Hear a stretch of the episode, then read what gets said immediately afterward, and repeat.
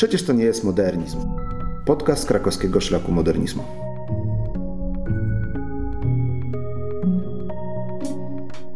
Architektura fascynuje nas nie tylko jako forma, ale przede wszystkim jako odbicie procesów politycznych, ekonomicznych i społecznych zachodzących w XX i XXI wieku. Na co dzień, jako Fundacja Instytut Architektury, zajmujemy się badaniem naszego podwórka, nowoczesnego Krakowa, ale ze świadomością, w jak ogromnym stopniu lokalność kształtują konteksty globalne. W tym podcaście opowiadamy historie, w których budynki odgrywają rolę narzędzi politycznych czy rynkowych, a architekci i architektki miotają się w sieciach zależności od różnych sił kształtujących nasz świat. Nazywam się Marta Karpińska. Nazywam się Michał Wiśniewski. Chcielibyśmy Państwa e, serdecznie powitać w imieniu Fundacji Instytut Architektury w pierwszym odcinku podcastu towarzyszącego krakowskiemu szlakowi modernizmu. To nasz największy projekt edukacyjny, wciąż rozwijany. Y, zapraszamy do śledzenia naszej strony i mediów społecznościowych.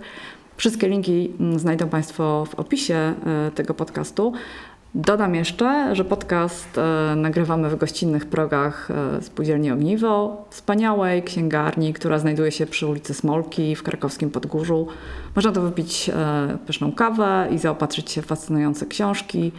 Jest także spora półka książek architekturze i projektowaniu. Gorąco polecamy. Dzisiaj zaczniemy z przytupem. Od najważniejszej, albo przynajmniej jednej z najważniejszych realizacji polskiego modernizmu i spróbujemy sobie odpowiedzieć na pytanie postawione w tytule naszego podcastu. Dlaczego największe dzieło krakowskiej architektury XX wieku nie znajduje się w Krakowie i nie znajduje się w Polsce? Paradoks polega na tym, że nie tak wiele osób zajmujących się polską architekturą miało okazję zobaczyć ten budynek na własne oczy. Ponieważ mowa będzie o ambasadzie Polskiej Rzeczypospolitej Ludowej, która powstała w stolicy Indii, Nowym Delhi w latach 1973-1978. Budynek ten zaprojektowali prominentni twórcy krakowskiej architektury, jedni z najważniejszych architektów działających w Krakowie w drugiej połowie XX wieku i na początku obecnego stulecia. Witold Cęckiewicz i Stanisław Deńko. Obaj ci architekci zmarli niedawno. Witold Cęckiewicz odszedł w lutym tego roku, krótko przed swoimi 99 urodzinami. Stanisława Deńko, zmarłego zdecydowanie przedwcześnie, pożegnaliśmy w 2021 roku. W tym odcinku podcastu będzie, e, będziemy sięgać do rozmów, które mieliśmy szczęście odbyć parę lat temu z obydwoma architektami na temat ich ikonicznego projektu. W ciągu najbliższych kilkudziesięciu minut e, postaramy się Państwu przybliżyć historię powstania polskiej ambasady w New Delhi na tle niewątpliwie barwnej epoki, jaką była dekada rządów Edwarda Gierka, a także w kontekście szerszym, globalnym, z perspektywy burzliwych lat 70. To był bardzo gorący okres, na świecie dużo się działo.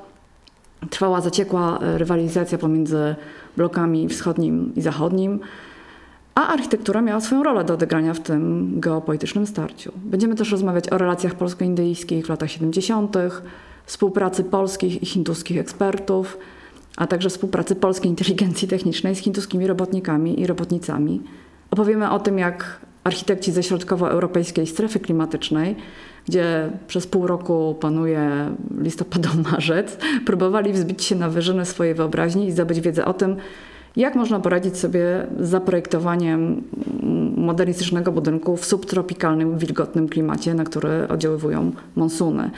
Wszystko to bez e, użycia klimatyzacji, mm, co jest bardzo ciekawe w obliczu faktu, że szukamy dróg wyjścia z katastrofy klimatycznej. Może warto pod tym kątem przyjrzeć się rozwiązaniom sprzed kilkudziesięciu lat. No i wreszcie powiemy sobie, jak ambasada obecnie funkcjonująca pod nazwą Ambasady Rzeczpospolitej Polskiej w Nowym Delhi wygląda dzisiaj. Tak się bowiem składa, że obecny tutaj Michał Wiśniewski miał szczęście zwiedzać budynek projektu Witolda Cęckiewicza i Stanisława Deńko. Ale zanim opowiemy o tym, jak um, ambasada się zestarzała i czy zestarzała się dobrze, zanim opowiemy o teraźniejszości, zacznijmy od narysowania tła historycznego. I Michał, może spróbujmy sobie odpowiedzieć na pytanie, dlaczego Gierkowska Polska uznała, że musi sobie zbudować reprezentacyjną siedzibę właśnie w Nowym Delhi? Zacznijmy od tego, że często patrzymy na PRL jako na kraj słabo rozwinięty, słabo zorganizowany. o też bardzo ograniczonych możliwościach prowadzenia niezależnej podmiotowej polityki. Rzeczywistość była bardziej skomplikowana i tutaj trzeba podkreślić, że już w latach 50.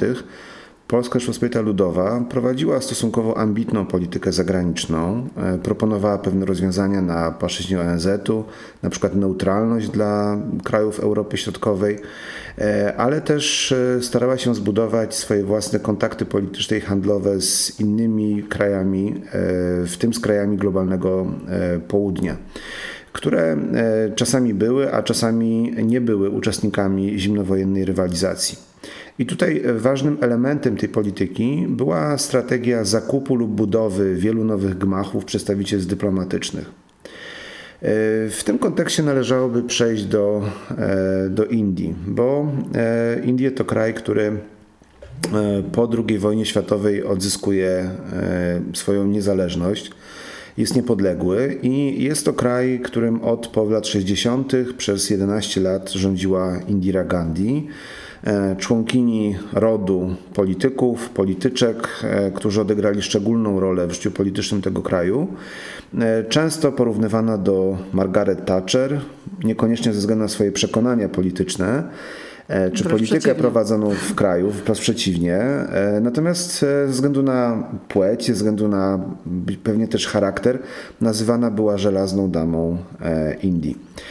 I ona próbowała za pomocą reform, za pomocą takiej drogi ku uprzemysłowieniu tego kraju wyciągnąć to państwo, naród indyjski, bardzo skomplikowany, bardzo zróżnicowany, E, ze skrajnej nędzy, w jakim ten kraj e, tak naprawdę, e, pomimo niesłychanego bogactwa tego miejsca, funkcjonował.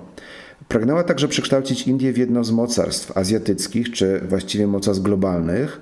No i tutaj miała przeciwko sobie kilka takich bardzo no, trudnych do rozwiązania problemów. Jednym były Chiny, e, które od połowy lat 50. były w coraz większym, głębszym konflikcie ze Związkiem Radzieckim. E, I to bez wątpienia oddziaływało bardzo silnie na relacje z Chinami, z którymi Indie nie były w stanie stworzyć, jednoznacznie określić swojej granicy e, w Himalajach, a drugim jeszcze trudniejszym partnerem i wyzwaniem były relacje z Pakistanem krajem e, utworzonym po e, II wojnie światowej po dwóch stronach Indii, ponieważ mało kto dzisiaj pamięta, ale Bangladesz e, to dawny Pakistan Wschodni i do lat 70., do niezwykle krwawej wojny, która była być może największym wyzwaniem politycznym dla jej rządów, e, Bangladesz był częścią e, Pakistanu. E, te dwa fragmenty Pakistanu trzymały w pewien sposób w kleszczach subkontynent indyjski i dzięki no, bardzo, jakby to powiedzieć, rozwiniętej polityce dyplomatycznej, czy to USA, czy wcześniejszego e, dominatora Wielkiej Brytanii e, były w stanie oddziaływać na politykę Hindusów. No i to z jednej strony było wielkie zagrożenie dla Indii, ale równocześnie to była taka determinanta, która powodowała, że ten kraj musiał stworzyć swoją własną E, politykę i e, ta polityka polegała na tym, żeby pozostawać e, krajem neutralnym w stosunku do obu bloków, ale równocześnie nawiązać poprawne stosunki ze Związkiem Radzieckim. Z jednej strony Indie nie poparły wojny w Wietnamie, mówimy w końcu o tej części świata, ale równocześnie, ale równocześnie nie były bezpośrednim członkiem bloku wschodniego, natomiast utrzymywały ZSRR poprawne relacje. E, podpisały z tym krajem e, traktat o pokoju, przyjaźni i współpracy w 1971 roku, no i e, to był ważne, ważne wydarzenie na drodze do stworzenia takiej rozwiniętej wymiany handlowej. Indie kupują z bloku wschodniego, z ZSRR, ale także z innych krajów, na przykład z Polski, ogromne ilości sprzętu militarnego. Rozwijają także swój własny program kosmiczny, który ma się stać takim narzędziem rozwoju całego kraju i w roku 75, e, wiosną roku 1975 były w stanie wystrzelić we współpracy ze Związkiem Radzieckim swój pierwszy, swoją pierwszą satelitę. No i tutaj dochodzimy do Polski, która widzi już pod koniec lat 50. szansę na to, żeby właśnie we współpracy z Indiami prowadzić swoją własną politykę, e, polegającą na wymianie handlowej e, z tym krajem i szerzej z tym regionem. Tu jeszcze tylko dodam, że na początku lat 50. Polska stawiała bardzo wyraźnie na Chiny. I na przykład w roku 56 e, Polska prowadziła bardzo taką odważną i skuteczną politykę zbliżenia się z Chinami, która polegała na tym, żeby zaszachować Związek Radziecki i utrudnić interwencję w naszym kraju, taka jaka wydarzyła się w Budapeszcie, wydarzyła się na Węgrzech. E, natomiast po roku 56, kiedy następuje zerwanie tej współpracy między Związkiem Radzieckim a największym komunistycznym państwem, największą komunistyczną partią na świecie, czyli e, partią e, ludowych Chin, e, wtedy Polska szuka, szuka nowego partnera, tym partnerem stają się Indie. Wiesz co, może jeszcze zanim przejdziemy do, do omówienia głównej bohaterki naszego podcastu, czyli ambasady PRL w New Delhi, to jeszcze sobie może opowiedzmy, bo troszeczkę tu zarysowałeś, jak Polska, jak PRL tutaj w tej rywalizacji względem rozwijających się krajów walczyła no, na tej osi wschód-zachód. Ale może też opowiedzmy, skoro jest to podcast architektoniczny, o tym, jaką e, rolę odgrywała architektura w tej perelowskiej dyplomacji. Może powiedzmy w ogóle, jak, jak wyglądało to e, budowanie ambasad, szczególnie w okresie Gierka. E, no też już w latach 50. Polska uczestniczy w różnych wystawach międzynarodowych. I co ciekawe, w okresie, kiedy w Polsce budowany jest Pałac Kultury, trwa socrealizm, E, na wystawach w Damaszku, w Izmirze. Projekty przygotowuje Oskar Hansen chociażby. E, czy, czy, czy Zbigniew Ichnatowicz i to są projekty jednoznacznie modernistyczne, mające pokazać, że to też jest nowoczesny, rozwinięty kraj tej globalnej północy który znalazł się po wschodniej stronie żelaznej kurtyny, ale ma wiele do zaoferowania krajom tutaj e, Bliskiego Wschodu na przykład. Chociaż nie tylko tam ta polityka była realizowana. E, no i szczególnie po roku 56, e, kiedy w Polsce zmienia się politycznie bardzo dużo, ale też bardzo dużo zmienia się w tym globalnym południu, bo to jest ten moment przesilenia w kanale sueskim, to jest ten moment, kiedy kolejne kraje ogłaszają swoją, deklarują swoją niepodległość. Rok 60 jest rokiem Afryki. Polska widzi tutaj pewne możliwości nawiązania współpracy handlowej. No i e, w roku e, właśnie wtedy e, do Indii podróżuje ówczesny polski premier z Krakowa, Józef Cyrankiewicz, razem ze swoją żoną, Niną Andrycz. Z tej podróży pochodzą takie słynne zdjęcia pary Cyrankiewiczów na, na słoniach i właśnie w takich strojach południowych E, związanych właśnie z możliwością odwiedzenia tego egzotycznego kraju, ale kraju, który stanie się rzeczywiście bliskim partnerem, bo od lat 60. Polska wysyła tam duże ilości traktorów, tysiące E, produktów z Ursusa pod Warszawą jedzie do Indii. E, innym takim bardzo ważnym e, przebojem stają się samoloty, bo też warto podkreślić, że nasz kraj produkował kiedyś samoloty, co więcej konstruował i to samoloty wojskowe odrzutowe, samolot Iskra. Ogromna ilość tych maszyn pojechała do Indii i tak można by jeszcze dużo i długo wymieniać. To no to będą Muzeum Lotnictwa chyba jest samolot tak. Iskra w barwach lotnictwa W krakowskim muzeum tak? można zobaczyć mhm. E, ilustrację pokazującą taki samolot z Polski w Indiach. Mhm. E, to były kosmetyki, to były nawozy sztuczne, to były bardzo różne produkty, które Polska oferowała w ramach takiej szeroko zakrojonej polityki, e, której bardzo ważnym elementem były też projekty architektoniczne. Akurat może nie w Indiach, ale w innych krajach, w Afganistanie, w Iraku, w Syrii. E, tutaj budowaliśmy najwięcej. E, natomiast, e, no właśnie, równocześnie nasz kraj musiał zbudować od podstaw swoje tutaj zaplecze dla tej polityki dyplomatycznej. W okresie międzywojennym oczywiście tworzono już ambasady, ale to był na tyle krótki czas i też ta polityka międzynarodowa w tym okresie, w której myśmy uczestniczyli, była prowadzona w zupełnie innym kontekście, jednak głównie w Europie Europie, a nie e, w globalnym południu. E, I tutaj po prostu tego typu zaplecza nie mieliśmy. To były jakieś wynajmowane pomieszczenia, budynki, domy, mieszkania, gdzie te pierwsze polskie ambasady były tworzone, czy to w Afryce, czy, czy w Azji, czy w Ameryce Południowej. Dlatego e, wraz z takim otwarciem ku południu, w latach 60. i 70. Polska postanawia zainwestować.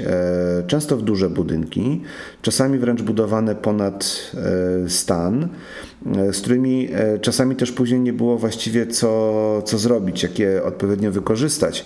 Ale e, decyzja jest bardzo jednoznaczna. Potrzebujemy być widoczni, potrzebujemy tego typu architektury. No i paradoksem jest, że właśnie w Nowym Delhi po II wojnie światowej w tym już niepodległym e, e, państwie indyjskim. E, z jednej strony kraje wschodu na czele ze Związkiem Radzieckim inwestują w duże gmachy, z drugiej strony kraje zachodu na czele z USA też budują swoje ambasady. No i właśnie w Indiach w latach 70. nagle wchodzi trzeci gracz, jest nim Polska Rzeczpospolita Ludowa. Mhm. To wiesz co, może jak już jesteśmy w New Delhi, e, czy w Nowym Delhi, e, jak, e, jak w ogóle wyglądała dzielnica ambasad w tym mieście? I jak, mhm. się, jak w tym kontekście się sytuowała polska ambasada? Może powiedzmy trochę o planie urbanistycznym. Tutaj właśnie warto by było o tym mieście parę słów wspomnieć, bo to jest północna część Indii, dawna, dawny kraj wielkich Mogołów. E, miasto, które swoją historią sięga przede wszystkim czasów średniowiecza. Wtedy nastąpił intensywny rozwój, powstanie Czerwonego Fortu, grobowca Humujuna. E, to było miasto, które pełniło taką funkcję e, grobową, wielkie mauzolea były budowane w pobliżu grobowca Humujuna, czyli tego wielkiego XVI-wiecznego mauzoleum, które było wzorem dla Taj Mahal, zbudowanego kilka dekad później. No i to miasto na przemianie XIX i XX wieku zostało wybrane przez Brytyjczyków na stolicę e, państwa, gdzie e, król Indii, e, król Wielkiej Brytanii jest równocześnie królem Indii, staje na czele, na czele tego państwa jako imperator a krajem w jego imieniu zarządza wicekról.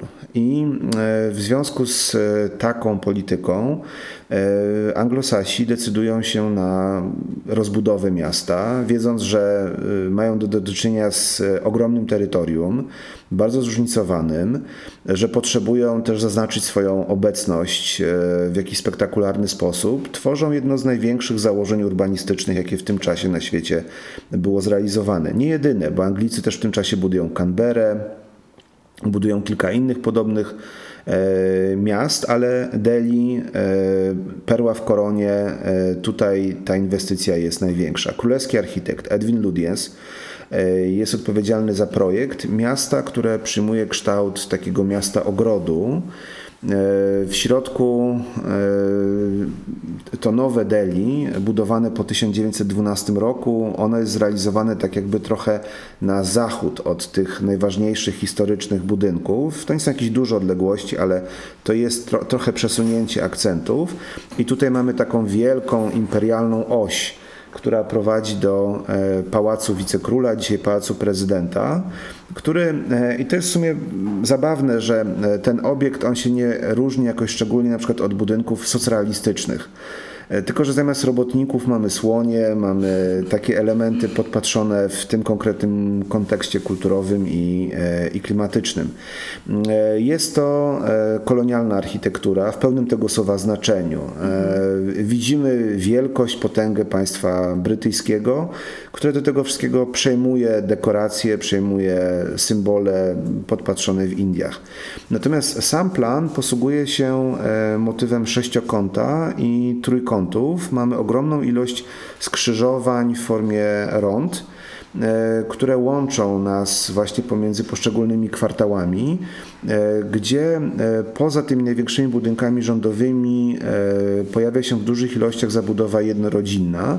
To są takie kolonialne wille budowane w okresie międzywojennym, otoczone ogromną ilością zieleni. E, po południowej stronie tego założenia e, powstaje lotnisko, dzisiaj lotnisko Indira Gandhi.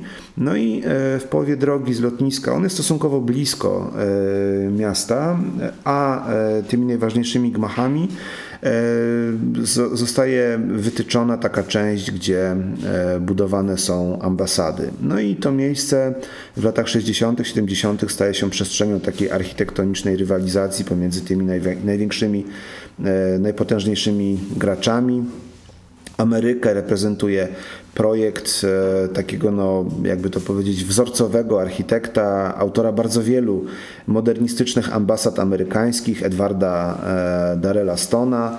E, powstają duże budynki dla ambasady kanadyjskiej, belgijskiej. Z kolei niedaleko Polskiej budowana jest ambasada czechosłowacka.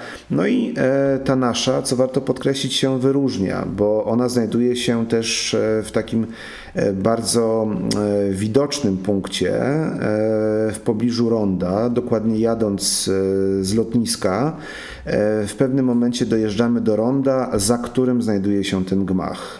Ulica Shanti Path i tutaj nagle widzimy wynoszący się na kolumnach modernistyczny budynek z polską flagą. Także jest to na pewno zaskakujące, jest to imponujące w pewien sposób i e, budujące, sądzę, ważny element krajobrazu kulturowego tego miasta. E, wiesz co, myślę, że teraz już przejdźmy do samej ambasady i spróbujmy e, skupić się na samym projekcie i opowiedzieć o tym, jak Witold Cęckiewicz i Stanisław Deńko zdobywali wiedzę konieczną do tego, żeby zaproponować budynek dla klimatu panującego właśnie w New Delhi. No, musimy sobie wyobrazić jednak PRL, lata 70. Nie ma dostępu do Google'a. Wyjazd na podróż studyjną jest bardzo utrudniony, jeśli w ogóle możliwy. Tutaj e, ze wspomnień architektów wynika, że e, rolą Stanisława Deńko, który był w tym czasie w trakcie prac nad konkursem dyplomantem Witolda Cęckiewicza, to jego rola polegała na między innymi ściąganiu literatury fachowej E, dotyczącej projektowania w, w tropikalnych strefach klimatycznych e, z zagranicy. Zresztą wtedy na przełomie lat 60., 70. to był taki trend. E, bardzo były popularne podręczniki do projektowania architektonicznego i urbanistycznego, które no, właśnie miały uwzględniać uwarunkowania klimatyczne. Mm, no i Witold Sęckiewicz twierdził, że, że w ogóle nie korzystali z polskich opracowań. E, ponieważ jak to ujął e, jakby w swoim stylu, przed wojną mieliśmy co prawda ambicje kolonialne, ale nie zdążyliśmy się do tego odnieść e, naukowo. No i jedną z tych publikacji, do których się odnosili i która zrobiła, zdaje się, spore wrażenie na Stanisławie Deńko, ponieważ mówił, że korzystał z niej potem przez wiele, wiele lat, to był podręcznik projektowania autorstwa japońskiego modernisty mm, Yoshinobu Ashikari, Exterior Design in Architecture. To był mm, podręcznik wydany po angielsku e, na początku lat 70., gdzie właśnie ten japoński modernista podkreślał e, w, w nim wagę klimatu, lokalnego kontekstu, uwarunkowań kulturowych. Tutaj faktycznie, jeżeli chodzi o literaturę dotyczącą samego miasta, Stanisław Dańko znowu wspominał, że czytali tylko opracowania dotyczące koncepcji urbanistycznej y, Lutiensa, o której y, opowiadałeś, ale zastrzegał, że to była bardzo krytyczna lektura, negatywnie oceniająca właśnie tą kolonialną architekturę. Sami architekci uważali, że ambasada nie jest obiektem, który miałby w ogóle po, po, pokazywać potęgę kraju. Przynajmniej no, tak przedstawiał to Stanisław Deńko. Nie wiem, jakie były intencje zleceniodawców, czyli Ministerstwa Spraw Zagranicznych, ale y, oni stawiali, myślę, że o tym szerzej powiesz, kiedy będziemy mówić o wnętrzach, bardziej na podkreślenie, y, że, że, że jest to obiekt, który ma reprezentować polską kulturę. Ja sobie zadaję pytanie, czy, a niestety nie damy rady już zapytać o to projektantów, czy korzystali z Penierskiego dla klimatycznego ujęcia architektury dzieła Mieczysława Tworowskiego Słońce w architekturze. To było takie opracowanie wydane po raz pierwszy w 1960 roku. I ono zwracało uwagę właśnie na zależność mikroklimatu wnętrz od nasłonecznienia i zacienienia. To jest w ogóle piękna książka, pięknie ilustrowana, wydana podobnie w 70 roku my jako Instytut Architektury odkryliśmy um, Twarowskiego pracując nad naszą antologią tekstów modernizmu. No i jakoś już wtedy nie zapytaliśmy ani Cęckiewicza, ani Deńko, czy, czy znali tę książkę projektując ambasadę, chociaż podejrzewam, że musieli z niej korzystać, bo um, to był chyba dosyć powszechnie um, dostępny podręcznik, nawet y, Moi rodzice są inżynierami budownictwa i nawet w ich bibliotece ta książka jest, więc podejrzewam, że także architekci z Politechniki Krakowskiej musieli się o nią otrzeć. No i tego niestety już nie sprawdzimy. Tak czy inaczej, e, obaj architekci projektowali, można powiedzieć, na sucho, to znaczy opierając się na teorii, ale dowiedzieli się z tych wszystkich podręczników jednego, że jeżeli chodzi o projektowanie w gorącym klimacie, to liczą się po prostu dwa czynniki. Po pierwsze temperatura i stopień nasłonecznienia, a po drugie e, wentylacja czy sposoby przewietrzania wnętrz. No i te czynniki właśnie przesądziły o decyzji podniesienia głównej części budynku ambasady ponad poziom gruntu. To jest to, o czym ty mówisz, że ten budynek się tak wyłania tak. spektakularnie. E, w ten sposób e, została stworzona strefa cienia, a jednocześnie umożliwiony został przewiew, czyli wentylacja strefy parczowej budynku. Budynek na zdjęciach wygląda zresztą dosyć monumentalnie. Tak. E, zresztą musiał pomieścić bardzo bogaty program funkcjonalny, bo miały się tam zmieścić i biura radcy, handlowego i hotel, część mieszkalna, szkoła wraz z wielofunkcyjną salą konferencyjną, rezydencja ambasadora. Natomiast działka, jaką mieli do dyspozycji y, architekci, była no, dosyć ciasna. W momencie, kiedy uwolnili przestrzeń parteru, mogli wykorzystać ją również na cele reprezentacyjne, które y, no, znalazły się w tych miejscach zacienionych. Y, zresztą myślę, że sam opowiesz, jak to teraz wygląda. E, natomiast ta decyzja projektowa była bardzo istotna mm, i o jej trafności projektanci przekonali się dopiero na miejscu przy okazji e, ich pierwszej wizyty w Indiach, kiedy właśnie zwiedzali te historyczne założenia pałacowe, o których ty też wspominałeś, no, takie jak kompleks architektoniczny Fatehpur Sikri z XVI wieku. No i zauważyli, że właśnie cechą charakterystyczną tej lokalnej, tradycyjnej architektury były wolne strefy parteru, arkady, przenikanie się przestrzeni. Tak więc ten y, spektakularny, zawieszony mm, na słupach prostopadłością górnej części budynku ambasady zapewniał cień y, i przewiew konieczny w tamtych warunkach, a jednocześnie y, stwarzał też ochronę przed deszczem. Architekci zdawali sobie też sprawę, że muszą zapewnić w budynku jak najwięcej ruchomego cienia, zależnego od kąta padania promieni słonecznych. Stąd takimi charakterystycznymi elementami ambasady są łamacze światła zagęszczające podziały elewacji w górnej części budynku. E, I dla tych z Państwa, którzy nie za bardzo są obeznani z tym żargonem architektonicznym, to wyjaśnię może tylko krótko, że co to są te łamacze światła. No, nazwa brzmi bardzo poetycko. E, jesteśmy w Krakowie, więc jeśli ktoś przechodzi albo przyjeżdża koło domu handlowego i bilet przy Alejach Trzech Wieszczów, to proszę zwrócić uwagę na e, elewacje. Właśnie te mm, charakterystyczne ażurowe osłony elewacji to są łamacze światła. I to jest e, w ogóle rozwiązanie, które przed e, wprowadzeniem mm, klimatyzacji stosowano bardzo chętnie. Mm, ono jest bardzo rozpowszechnione w tych wszystkich krajach e, gdzie panuje bardzo gorący klimat, to było no, taka, można powiedzieć, modernistyczny znak rozpoznawczy modernistycznej architektury z tego okresu. E, ja akurat nie, nie zwiedziłam zbyt wielu krajów z tak gorącym klimatem, ale pamiętam Tel Awiw, gdzie no, takie osłony ażurowe jak właśnie na jubilacie e, e, no, są czymś, co tworzy w ogóle klimat tej architektury. Tak czy siak, Chodzi o to, że, że w architekturze modernistycznej przed wynalezieniem klimatyzacji to rozwiązanie właśnie zapewniało dopływ z jednej strony światła słonecznego do wnętrz, ale z drugiej strony ograniczało przegrzewanie się wnętrz, dając przy okazji no, bardzo malownicze efekty architektoniczne, ponieważ wygląd budynku zmienia się wraz z ruchem Ziemi wokół Słońca. Mm, na y, elewacjach tworzą się rysunki światła i cienia, y, różne w zależności od poru dnia, od pory dnia i, i, i roku. Może dodam jeszcze, że Daniel Barber, amerykański badacz architektury, który no właśnie bada dziedzictwo modernizmu w kontekście uwarunkowań klimatycznych, pisał, że że w krajach, w których nie istniała rozwinięta infrastruktura energetyczna, e, przed upowszechnieniem mechanicznej klimatyzacji jedyną szansę na ochłodę dawały właśnie te łamacze światła czy, czy ekrany zacieniające. One były podnoszone, opuszczane, obracane. No, to była cała jakby inżynieryjna konstrukcja i ta fasada składała, e, stała się taką przestrzenią dynamicznej interakcji z klimatem. Mm, no i wszystkie te y, mechanizmy i, i system zacienienia, czy inne y, łamacze światła były traktowane po prostu jako rozwiązanie techniczne na równi z pozostałą infrastrukturą budynku. Y, no, sam Stanisław Deńko chyba mówił coś takiego, że gdyby wtedy mieli dostęp do klimatyzacji jak w ambasadzie amerykańskiej, no to po prostu ten budynek pewnie by zupełnie inaczej wyglądać. W każdym razie y, te rozwiązania, te łamacze światła zastosowano w ambasadzie. One bardzo wpłynęły na wygląd budynku i dzięki temu z jednej strony tworzył się ciekawszy rysunek ścian zewnętrznych, z drugiej wnętrza były no, chronione przed głęboko penetrującymi promieniami światła. Y, z kolei w, w niższych kondygnacjach ambasady projekci stworzyli większe płaszczyzny przeszkleń, większe otwory okienne, tak żeby ludzie znajdujący się w pomieszczeniach tej, tej części budynku, budynku nie widzieli tego pejzażu posiekanym, posiekanym, e, posiekanego łomaczami światła. Tam zresztą mniej tego cienia było potrzebne. I myślę, że ważna rzecz jeszcze w odniesieniu do klimatu. E, Witold Cęckiewicz podkreślał także rolę e, wody w lokalnej tradycji budowlanej.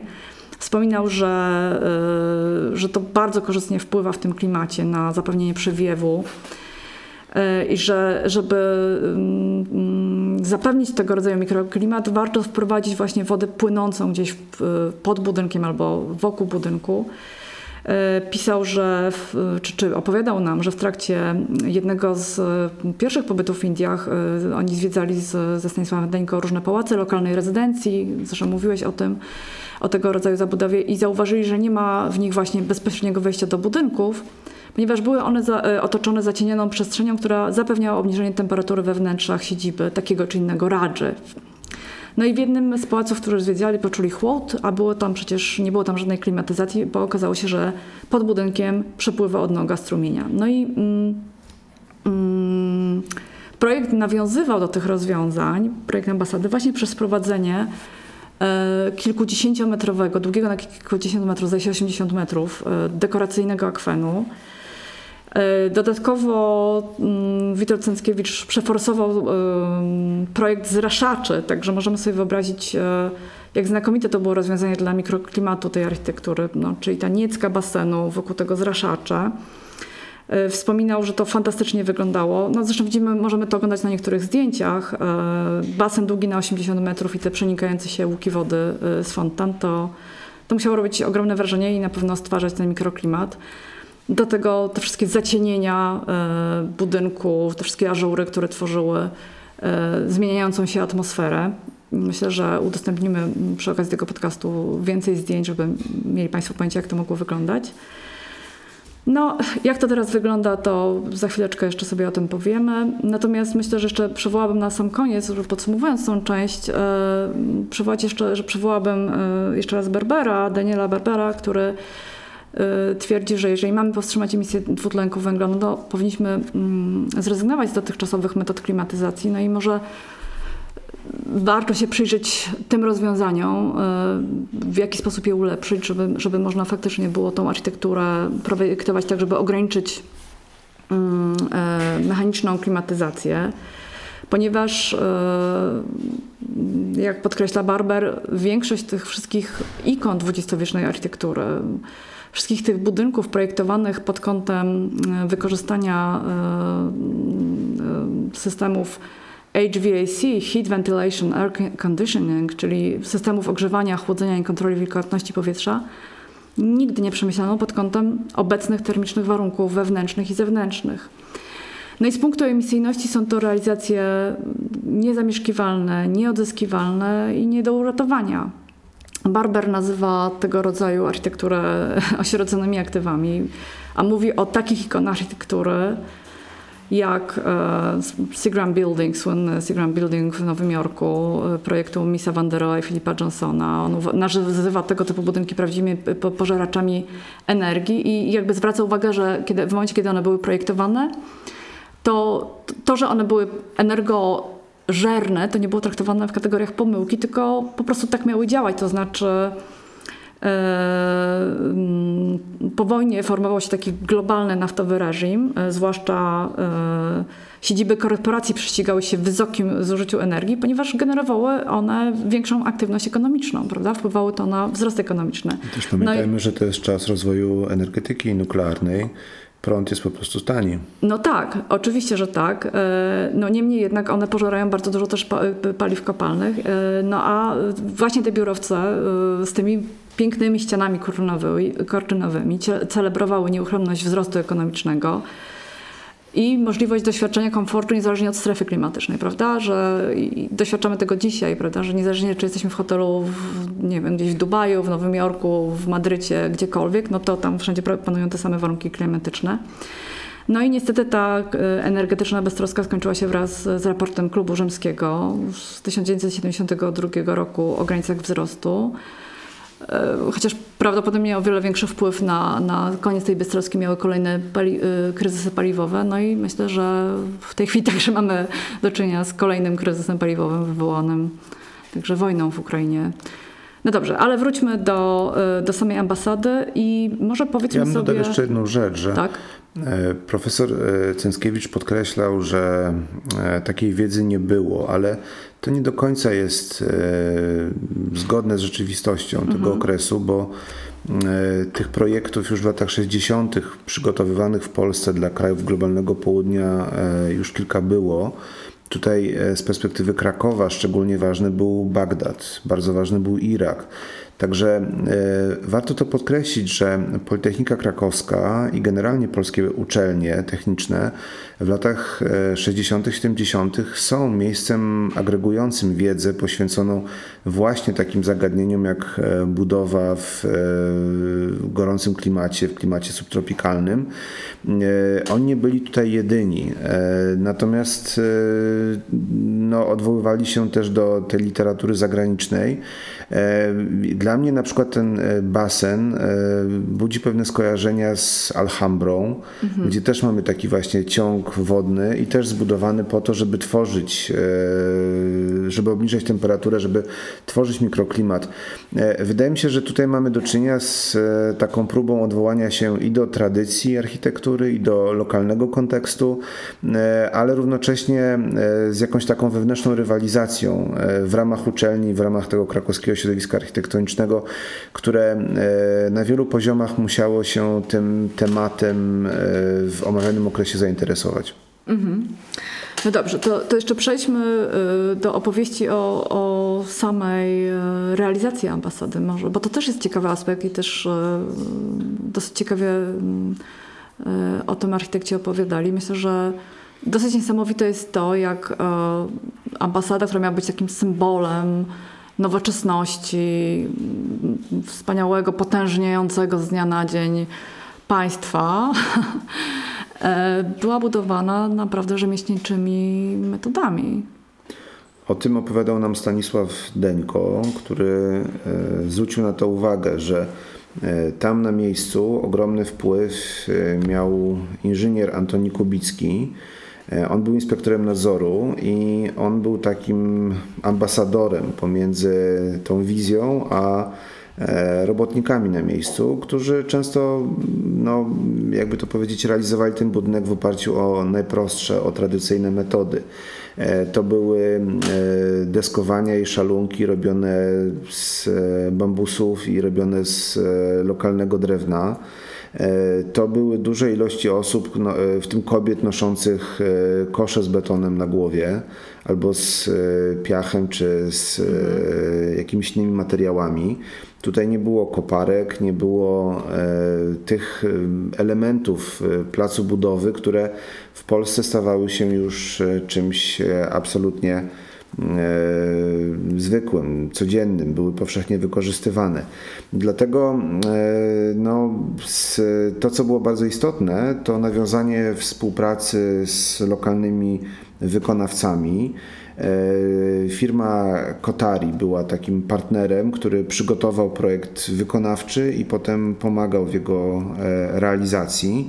Natomiast na architektach i szczególnie na Stanisławie Deńko e, duże wrażenie, tak on to opisywał, no robiła ogromna precyzja, z którą ci ludzie pracowali.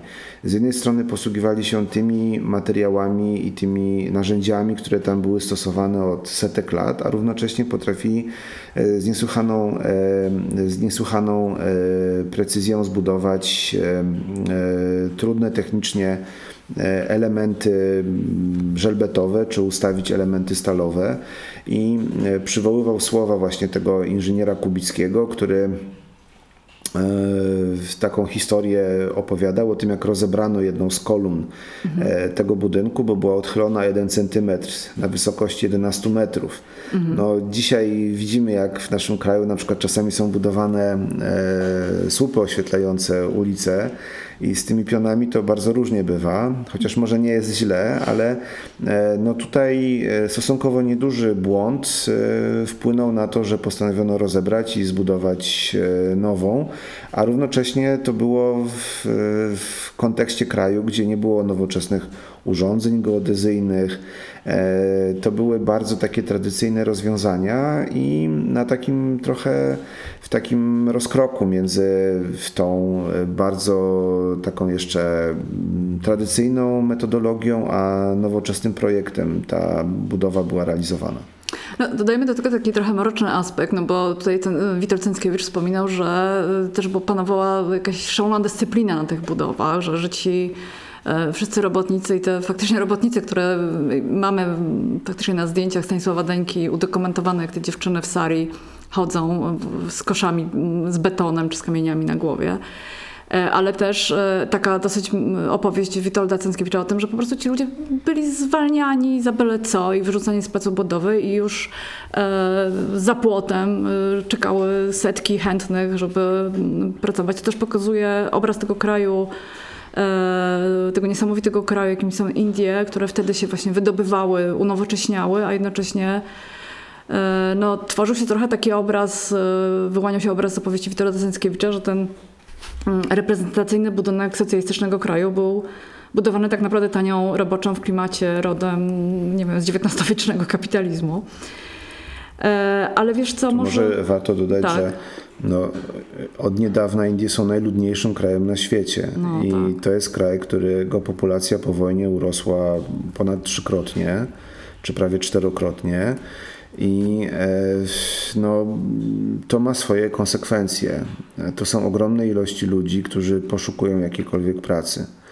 E, i e, są e, gotowi podróżować za tą pracą, inwestować całe swoje życie, narażać to życie na to, żeby tę pracę zdobyć.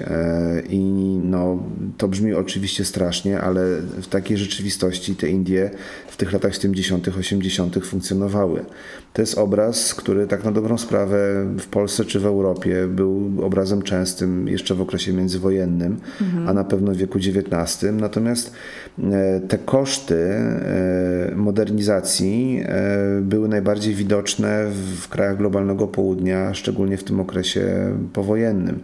I my sobie często nie zdajemy sprawy, w jakich warunkach przychodziło pracować ludziom, którzy tworzyli ten często też nasz dobrobyt związany z globalizacją w Chinach, czy w Indonezji, czy, czy w Indiach właśnie. Mhm. Wiesz to może powiedzmy sobie jeszcze teraz, jak ten budowany z tym całym gierkowskim rozmachem, reprezentacyjny gmach e, ambasady PRL w New Delhi e, wygląda współcześnie, bo ty miałeś okazję widzieć ten budynek na własne oczy. I może opowiedzmy sobie, zderzmy trochę tę opowieść o o tych zamierzeniach twórców e, tego budynku, o tym, jak on miał funkcjonować e, jak się dostosować do tego klimatu, z tym, jak on w rzeczywistości funkcjonuje i jak on wygląda dzisiaj. I trochę o wnętrzach, bo wnętrza on chyba są najbardziej znane. Jako zespół. To miała być ambasada, przedstawicielstwo handlowe i rodzaj takiego domu dla pracowników tych obu instytucji razem ze szkołą dla dzieci tych dyplomatów i dyplomatek. Także powstał rodzaj takiego mini quasi miasteczka wewnątrz miasta. E, no i e, sam budynek, no, po latach, jak to budynki modernistyczne, on oczywiście się zestarzał, a pamiętajmy, że e, w tym klimacie budynki starzeją się dużo szybciej i niekoniecznie starzeją się ładnie. To znaczy beton ciemnieje, pokrywają go różne liszaje, naloty, których w Europie pewnie byśmy nie odnotowali albo nie w takim tempie one by się pojawiły. Także tam są różne domalowania, różne y, nowe elementy tynku y, w niektórych miejscach. No i też oczywiście dzisiaj pojawiają się klimatyzatory w wielu oknach których oryginalnie miało nie być, więc to jest taki trochę jednak chichot historii.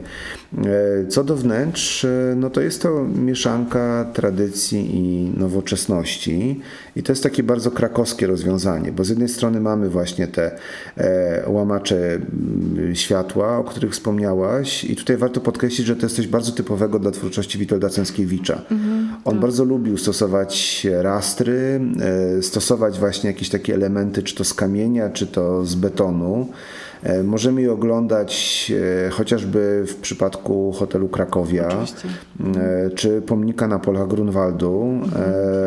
To jest jego metoda na w jaki sposób u atrakcyjnianie tych swoich projektów i nadawanie im takiego własnego, oryginalnego e, charakteru. E, tutaj mamy to, e, w, a równocześnie Witold Cęckiewicz w jednym z pomieszczeń projektuje strop wawelski.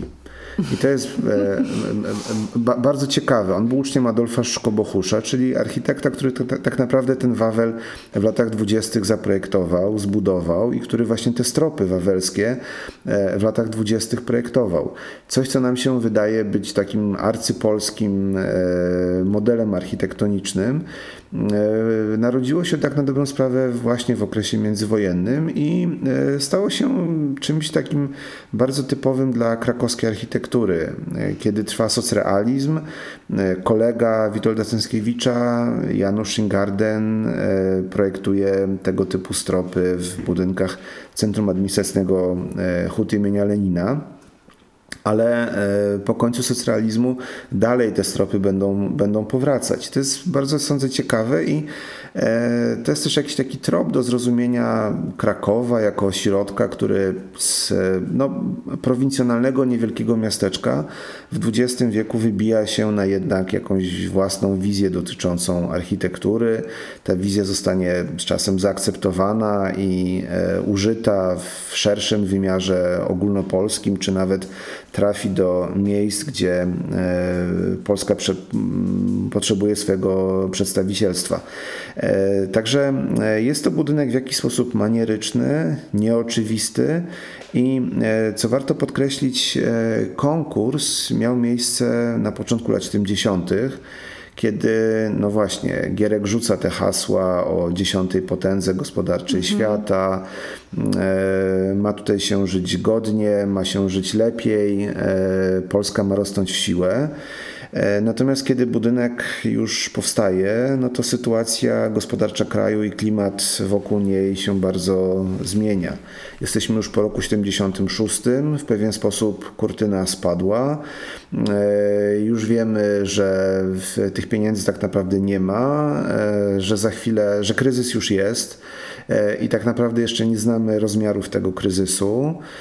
Jesteśmy już po pierwszych takich aktach przemocy związanej z tym, co działo się w Radomiu, czy w Ursusie, czy w innych miastach właśnie w roku 76. E, no i e, to jest taki czas, kiedy e, państwo polskie zaczyna oszczędzać, a więc także przykręcać śrubę takim inwestycjom jak jak ambasada. Witold Cęckiewicz opowiadał nam o swoim dramatycznym, jak to określił, telefonie do MSZ-u, gdzie prosił o to, żeby ten strop jednak powstał i żeby ten, ten, ten, ten symbol polskości, przynajmniej dla architekta bardzo ważny, żeby mógł w tej przestrzeni zaistnieć. On zaistniał, ale warto też czas podkreślić, że mówimy o ultranowoczesnym budynku, gdzie nagle widzimy cytat z architektury historycznej podpatrzony na Wawelu, podpatrzony u tak naprawdę nauczyciela Witolda Cęckiewicza, Adolfa Szkobochusza.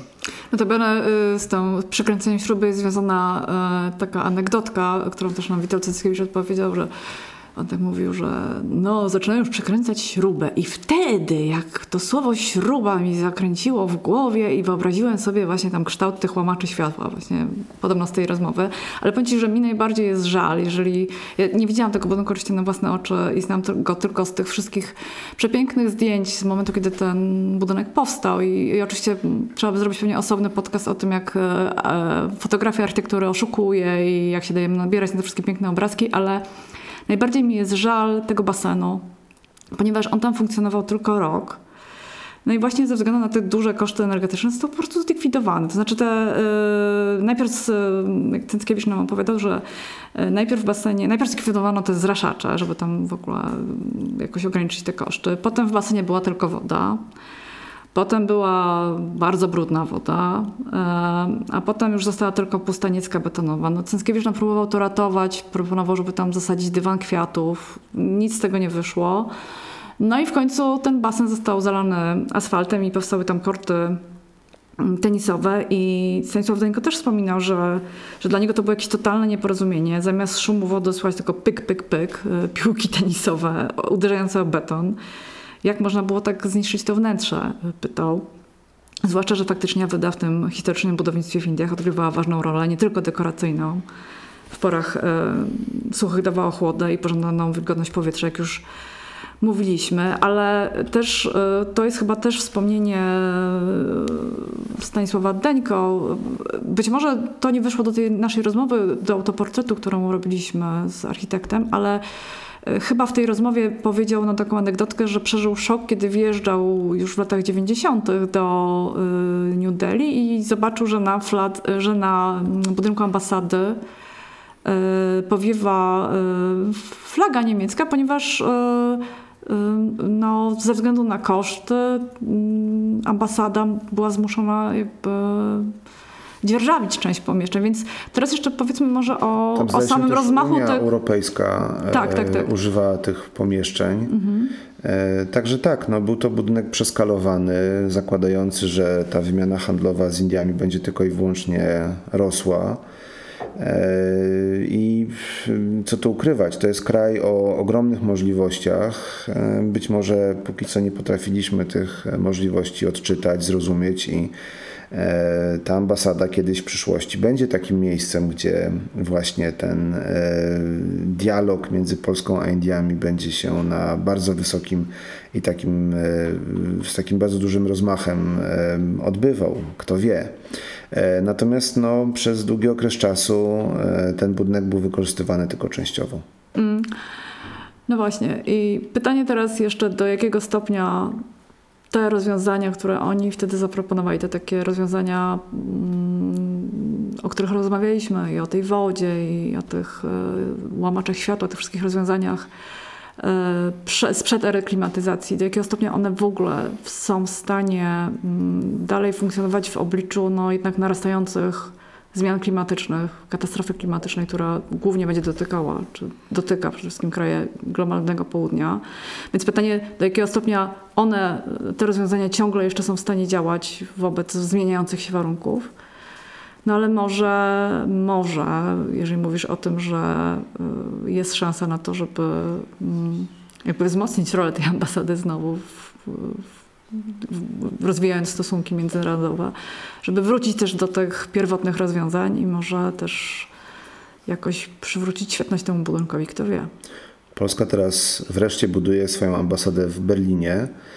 E, mówię o tym dlatego, żeby zaznaczyć, że e, my po roku 89, czy właściwie od lat 80., mieliśmy kłopot z tego typu inwestycjami. One były traktowane jako zbytek, coś niepotrzebnego, bo tak, są kosztowne, ale równocześnie no, kraj, który prowadzi jakąś politykę międzynarodową, gospodarczą, potrzebuje swoich przedstawicielstw handlowych.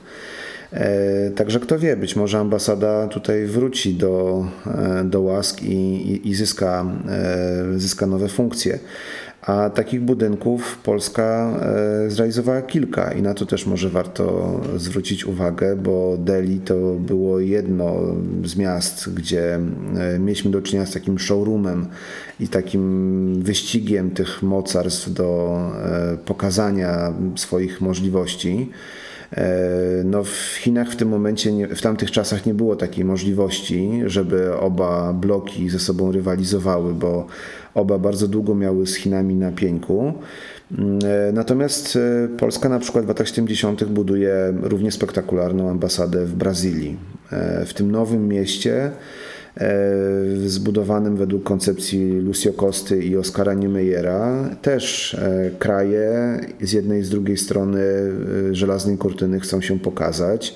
Oczywiście Brazylia jest krajem pod bardzo silnym wpływem i kontrolą wręcz Stanów Zjednoczonych, ale no, w tym systemie, w tej żelaznej kurtynie zawsze były jakieś luki, dziury. Pamiętajmy, że w Brazylii że mieszka bardzo duża Polonia, więc państwo polskie poszukujące drogi do e, Devis widziało tutaj potrzebę zaistnienia i zbudowania E, obiektu, który zaprojektował Zbigniew Pawelski, znany warszawski architekt, e, uczestnik Powstania Warszawskiego, e, architektonicznie znany chociażby z budynku hotelu Victoria w samym centrum Warszawy. Natomiast w Krakowie warto podkreślić, że jego dziełem jest gmach Nowochódzkiego Centrum Kultury, E, którego wnętrza świetnie pokazują nam klimat właśnie tej epoki, tego rozmachu, tej takiej nowoczesności, tej takiej kosmicznej estetyki, e, no i tego takiego eksponowania e, popularnych materiałów tego okresu, czyli na przykład żelbetu. O, jest to też epoka, kiedy PRL kupuje sobie po prostu pałacyk na Manhattanie. Na przykład. Piękna historia w roku 73, czyli dokładnie w tym samym momencie, kiedy E, rusza dyskusja o tym, jak ma wyglądać ambasada w New Delhi. E, Gierkowska Polska kupuje przy Madison Avenue i 37 ulicy, tuż obok Biblioteki Morgana e, czyli największego bogacza Nowego Jorku początku XX wieku, willę innego wielkiego bogacza, Rafa, Josefa Rafaela de la Mara, który e, na początku XX wieku rywalizował właśnie z Morganem e, i zbudował taką e, neobarokową w duchu francuskim rezydencję. Polska kupuje ten budynek w momencie, kiedy Nowy Jork jest no, w głębokim kryzysie i akurat nieruchomości są stosunkowo tanie. E, co ciekawe, wysyła tam e, specjalistów, konserwatorów zabytków z ASP w Warszawie, którzy wykonują świetną pracę, konserwują malowidła, właśnie Wenus e, w głównej sali, kryształowe żyrandole, meble. To wszystko się zachowało dzięki pracy polskich konserwatorek i konserwatorów. E, I jest to jedno z lepszych tego typu wnętrz i lepiej utrzymanych tego budynków na Manhattanie dzisiaj. Także e, to są często zaskakujące, paradoksalne e, sytuacje, historie, pokazujące nam pewną próbę tworzenia szeroko zakrojonej wizji dla polskiej dyplomacji okresu środkowego i późnego PRL-u. No dobrze, to już na koniec. Podsumujmy w paru słowach, dlaczego uważamy ten budynek za jeden z najważniejszych przykładów polskiego, a na pewno już krakowskiego modernizmu. E, no jest to budynek, który nie ma precedensu. E, jest to e, potężna, rzeźbiarsko pomyślana bryła, oderwana od gruntu, zbudowana według zupełnie nowego wzoru, jakiego wcześniej w krakowskiej architekturze nigdy nie stosowano. E, mamy tutaj z jednej strony piękną formę, e, mamy tutaj e, no, cały wykład, taki intelektualny wykład tego środowiska krakowskiego, tego okresu poświęcony odnajdywaniu się w zupełnie nowych warunkach i w nowym klimacie.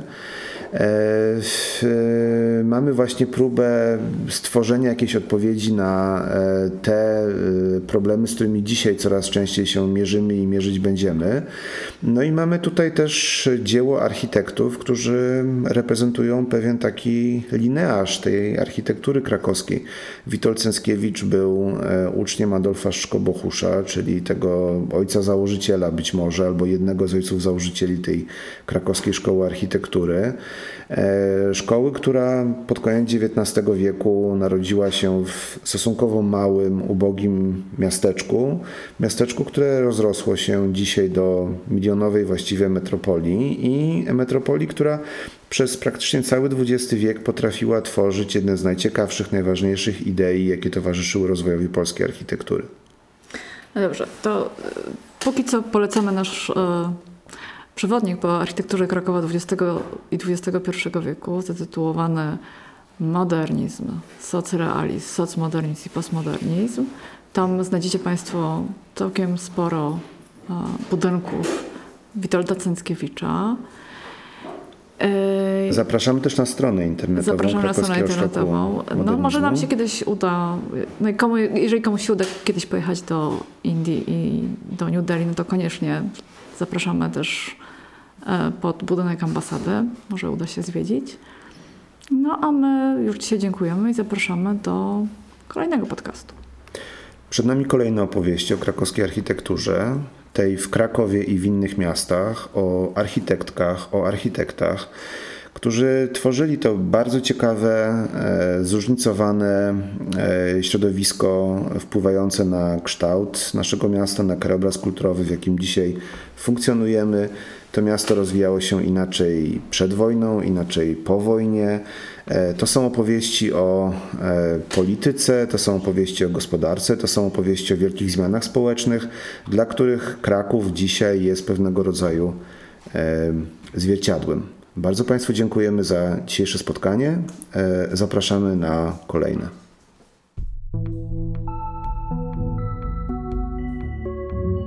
Jeśli spodobało Wam się to nagranie i chcielibyście, chciałybyście przyczynić się do rozwoju naszego podcastu, zapraszamy również na Patronite'a Krakowskiego Szlaku Modernizmu.